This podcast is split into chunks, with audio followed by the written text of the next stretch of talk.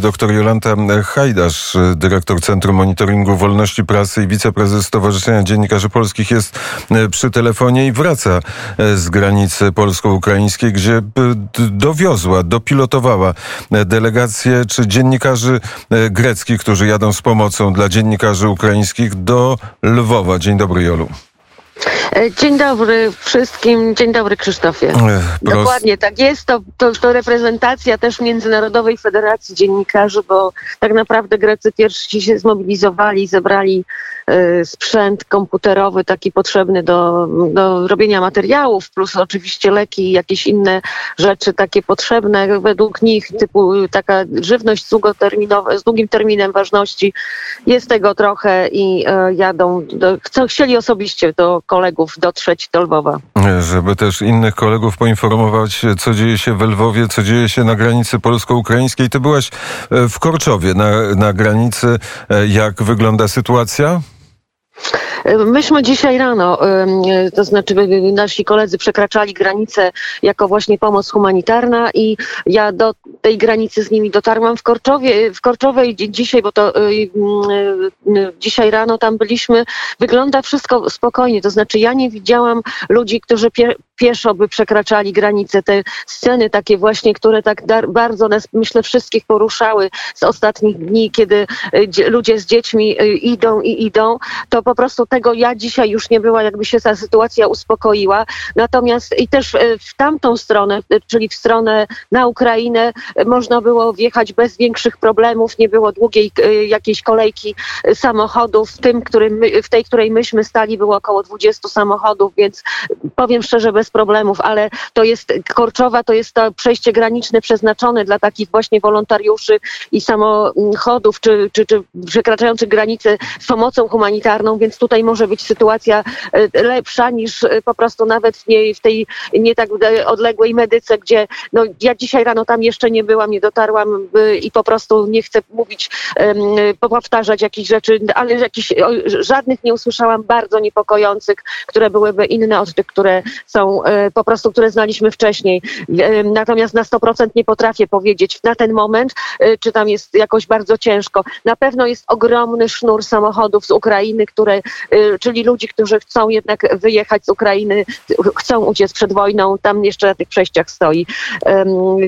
Ja jeśli mogę, to dwa zdania bym powiedziała o tej naszej ekipie Greków, greckich kolegów. Nie wiem, czy to jest dobry moment. Bardzo dobry bo, wie, bo to taka naprawdę y, grupa sześciu osób, ale tak bardzo związanych z Ukrainą, bo y, trochę czasu z nimi spędziłam, to znaczy dobę, y, jadąc, odbierając ich z lotniska w Warszawie, przewożąc ich tutaj właśnie na Podkarpacie no, i w stronę granicy i odbierając na cargo ten sprzęt, który wiozą dla kolegów dziennikarzy. Oni po prostu, część z nich, George i Maria byli, czyli członkowie tej grupy, byli y, na Ukrainie, byli właśnie w Mariupolu, mają tam, bo tam wielu Greków mieszka, są tak poruszeni tym, co losem tego miasta, tym, co tam się stało. Y, po prostu bardzo koniecznie chcą coś dla Ukrainy zrobić i wiedzą, że wyjazd na granicę, też ekipy po prostu z tak daleka, z Grecji, prawda? Można powiedzieć, po co jadą, bo mogliby ten sprzęt wysłać, ale to pozwala im y, robić materiały do ich mediów, do ich mediów w Grecji, do telewizji, do gazet, do, na portale internetowe, mają swoje zdjęcia, swój ogląd sytuacji też po to, żeby poruszyć opinię publiczną w Europie, żeby Polska nie była sama, świadcząc pomoc właśnie tej Ukrainie. Widać, jak to jest potrzebne. No oni y, byli bardzo tym poruszeni, dlatego też byli wczoraj ze mną w Kazimierzu Dolnym, w naszym domu dziennikarza, właśnie w Kazimierzu Dolnym prowadzonym przez Stowarzyszenie Dziennikarzy Polskich, gdzie przypomnę, dzisiaj przebywa y, około 140 uchodźców z Ukrainy, w tym 93 dzieci. 62 tych dzieci to jest z domu dziecka w Mariupolu. Taka duża grupa dzieci w wieku od 7 do 17 lat. Ale większość to są dzieci y, w takiej wieku wczesnej szkoły podstawowej, y, plus y, około 30 dzieci rodzin, które po prostu tam przyjechały i tam są zakwaterowane. Jest 11 osób głuchoniemych też z takiego, którzy po prostu z takiego ośrodka świadczymy tę pomoc jak możemy, bo sytuacja wcale nie jest taka, bym powiedziała, sielankowa, można powiedzieć, bo przecież to problemy są najpoważniejsze, jakie byśmy mogli sobie wyobrazić, plus cała organizacja takiego no, pobytu tak dużej grupy y, w, y, w naszym domu jest przy czym się krzątać, że tak powiem, przy organizowaniu y, posiłków, bo i oczywiście za darmo dajemy im i noclegi, i posiłki y, i po prostu y, to musi być zorganizowane, ale ta mała grupa ludzi, która tam na co dzień była zatrudniona, naprawdę tak ofiarnie tam pracuje, że chciałabym, jeśli mogę, w tym miejscu chociażby w naszym imieniu im po prostu podziękować za to serce, za ofiarność, za pracę. Też w imieniu nas, dziennikarzy, bo, bo po prostu prostu przecież my na co dzień jesteśmy gdzieś wszyscy daleko od Kazimierza Dolnego, ale, ale staramy się jak potrafimy i tym ludziom, którzy do nas trafili pod naszą opiekę, żeby zapewnić po prostu y, bezpieczeństwo i spokój. Takich ludzi na Podkarpaciu jest naprawdę bardzo, bardzo dużo. I oczywiście w Lubelskim i oczywiście y, tam, gdzie oni mogą dotrzeć. To ja tak mm, spontanicznie powiedziałam tylko to, o tym miejscu, bo tutaj teraz jestem. Na, na co dzień jesteśmy daleko od domu dziennikarzy w Kazimierzu, ale ty byłaś w nim wczoraj i jedziesz dzisiaj e, do tego domu, także e, staramy się trzymać rękę e, na pulsie. Tam też jest miejsce dla ukraińskich dziennikarzy, którzy by chcieli skorzystać z naszego domu.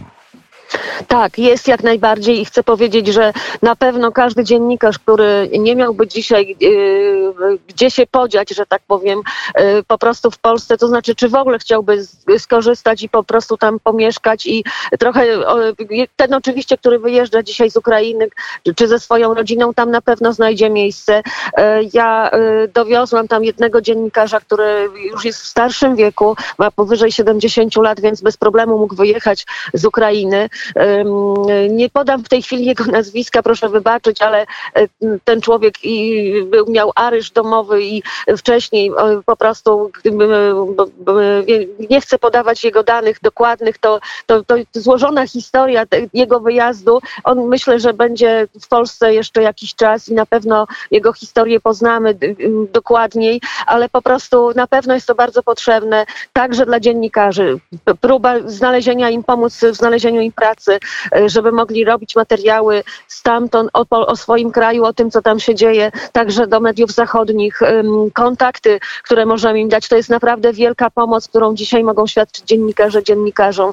E, kupmy od nich zdjęcia, kupmy od nich filmy, e, rozmawiajmy z nimi, żeby oni mogli też napisać swoje relacje, bo, bo po prostu za chwilę wszyscy, wielu z nich tam straci pracę w tych mediach, w których pracowali wcześniej. Rozmawiałam z Siergiejem Tomilenko, to jest szef Stowarzyszenia Dziennikarzy Ukraińskich też w pierwszych, pierwszych słowach y, pyta o to, czy można drukować w Polsce gazety, które potem byśmy przewieźli na Ukrainę. Tam w tej chwili mają z tym bardzo duży problem, a jednak jest głód informacji, jest to też potrzebne. Może nie jest to w pierwszej kolejności i oczywiście jest internet, są inne sposoby komunikowania, ale koledzy z Ukrainy y, chcieliby również w ten sposób jeszcze pracować, więc też ten temat będziemy w jakiś sposób y, rozeznawać, jak to się mówi, jak to zrobić, czy to, czy to jest z ekonomicznego punktu widzenia możliwe, realne, potrzebne.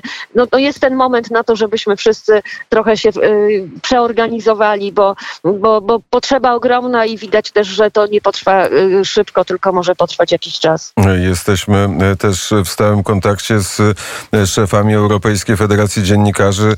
Złożyliśmy żądanie, żeby wykluczyć stowarzyszenia rosyjskie z rozmaitych federacji międzynarodowych. Mamy jakąś odpowiedź? Oficjalnej odpowiedzi na to nie mamy.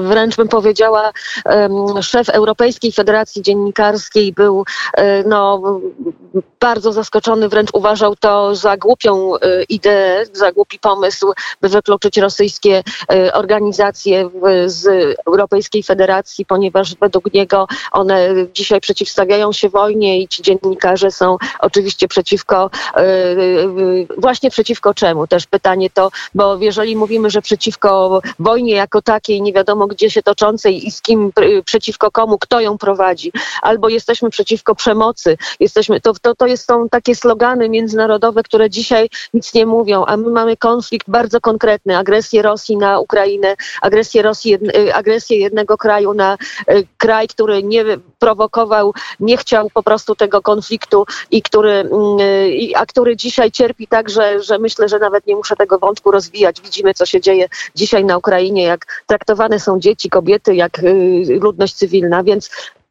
te stowarzyszenia dziennikarskie rosyjskie w ocenie nas, SDP, powinny być po prostu tak jak sankcje powinny być bezwzględne, tak również powinniśmy zrezygnować i powiedzieć im na dzisiaj dziękujemy. Nie chcemy współpracy w ten sposób, żeby światu zakomunikować, kto jest ofiarą, a kto jest agresorem w tym konflikcie. Natomiast no, Europejska Federacja jest taka jeszcze ciągle politycznie poprawna, więc żadnych działań, o których bym wiedziała na ten moment, nie podjęła. Natomiast no, y, myślę, że dzięki naszym y, oświadczeniom w ogóle zwrócili uwagę na ten konflikt także z innej perspektywy. Widzą, co robi Polska, jak wiele po prostu y, pomaga Ukrainie i um, także oni nabrali takiego, bym powiedziała, trochę może respektu, to za duże słowo, ale um, szacunku dla Stowarzyszenia Dziennikarzy Polskich, bo um, po prostu wyrażają to w mailach, w których pytają o to, w jaki sposób mogą nam pomóc. Też bardzo prosili właśnie, znaczy bardzo dziękowali, że pomagamy tej ekipie właśnie jak dziennikarzy z Grecji. Tam na czele tej ekipy jest pani y, Maria Antoniadu, taka znana dziennikarka też właśnie w Federacji y, Międzynarodowej i on, po prostu ta ich pomoc, którą oni zorganizowali, myśmy im pomogli tam ją dostarczać. Mam nadzieję, że tam wszystko przebiegnie pomyślnie i pozytywnie się zakończy. Także też tak poruszyła te, tych ludzi z Międzynarodowej Federacji i mam nadzieję, że uda nam się jeszcze bardziej ich zorganizować do tego, żeby nam pomogli opowiedzieć światu dzisiaj historię Ukrainy, tragedii Ukrainy, żeby ona nie znikła z pierwszych stron gazet, nie tylko w naszym kraju, ale w całej Europie i poza jej granicami, bo tylko dzięki poruszeniu tego sumienia opinii międzynarodowej publicznej jesteśmy w stanie tak naprawdę pomóc Ukrainie, bo dzisiaj pomożemy, mamy już półtora miliona prawie ludzi na naszym, y, w naszym kraju, mamy za chwilę może być ich jeszcze więcej, nawet ile byśmy nie zrobili tu na miejscu, to jest naprawdę wielka, wielka pomoc. Wszyscy bardzo Polakom dziękują, ale to może się okazać za mało, żeby po prostu i zwyciężyć w tej wojnie, żeby Ukraina mogła zwyciężyć, ochronić swoją suwerenność, niepodległość, no ale żeby też y, stłumić te, y, te ambicje agresorskie Rosji jak najszybciej się da, bo przecież na Ukrainie się nie skończy. Chyba wszyscy to y, rozumiemy. Tym bardziej, jak się słucha tego, co e, się stało dzisiaj w Turcji. Agresja Rosji będzie kontynuowana, tak e, zacytował e, ministra Ławrowa, minister spraw zagranicznych Ukrainy, a z kolei Ławrow powiedział, i to e, należy się wczytać w te słowa. Rosja jest gotowa rozmawiać o gwarancjach bezpieczeństwa e, dla Ukrainy i Rosji. E, gwarancje bezpieczeństwa dla Ukrainy właśnie dają zarówno samoloty, rakiety, jak i żołnierze rosyjscy, którzy zaatakowali Ukrainę na rozkaz Władimira Putina. Jolu, bardzo Ci serdecznie dziękuję za rozmowę. Ja również dziękuję, że tak na gorąco mogłam się podzielić refleksjami i w kierunku Kazimierza Dolnego zmierzam. Pozdrawiam serdecznie.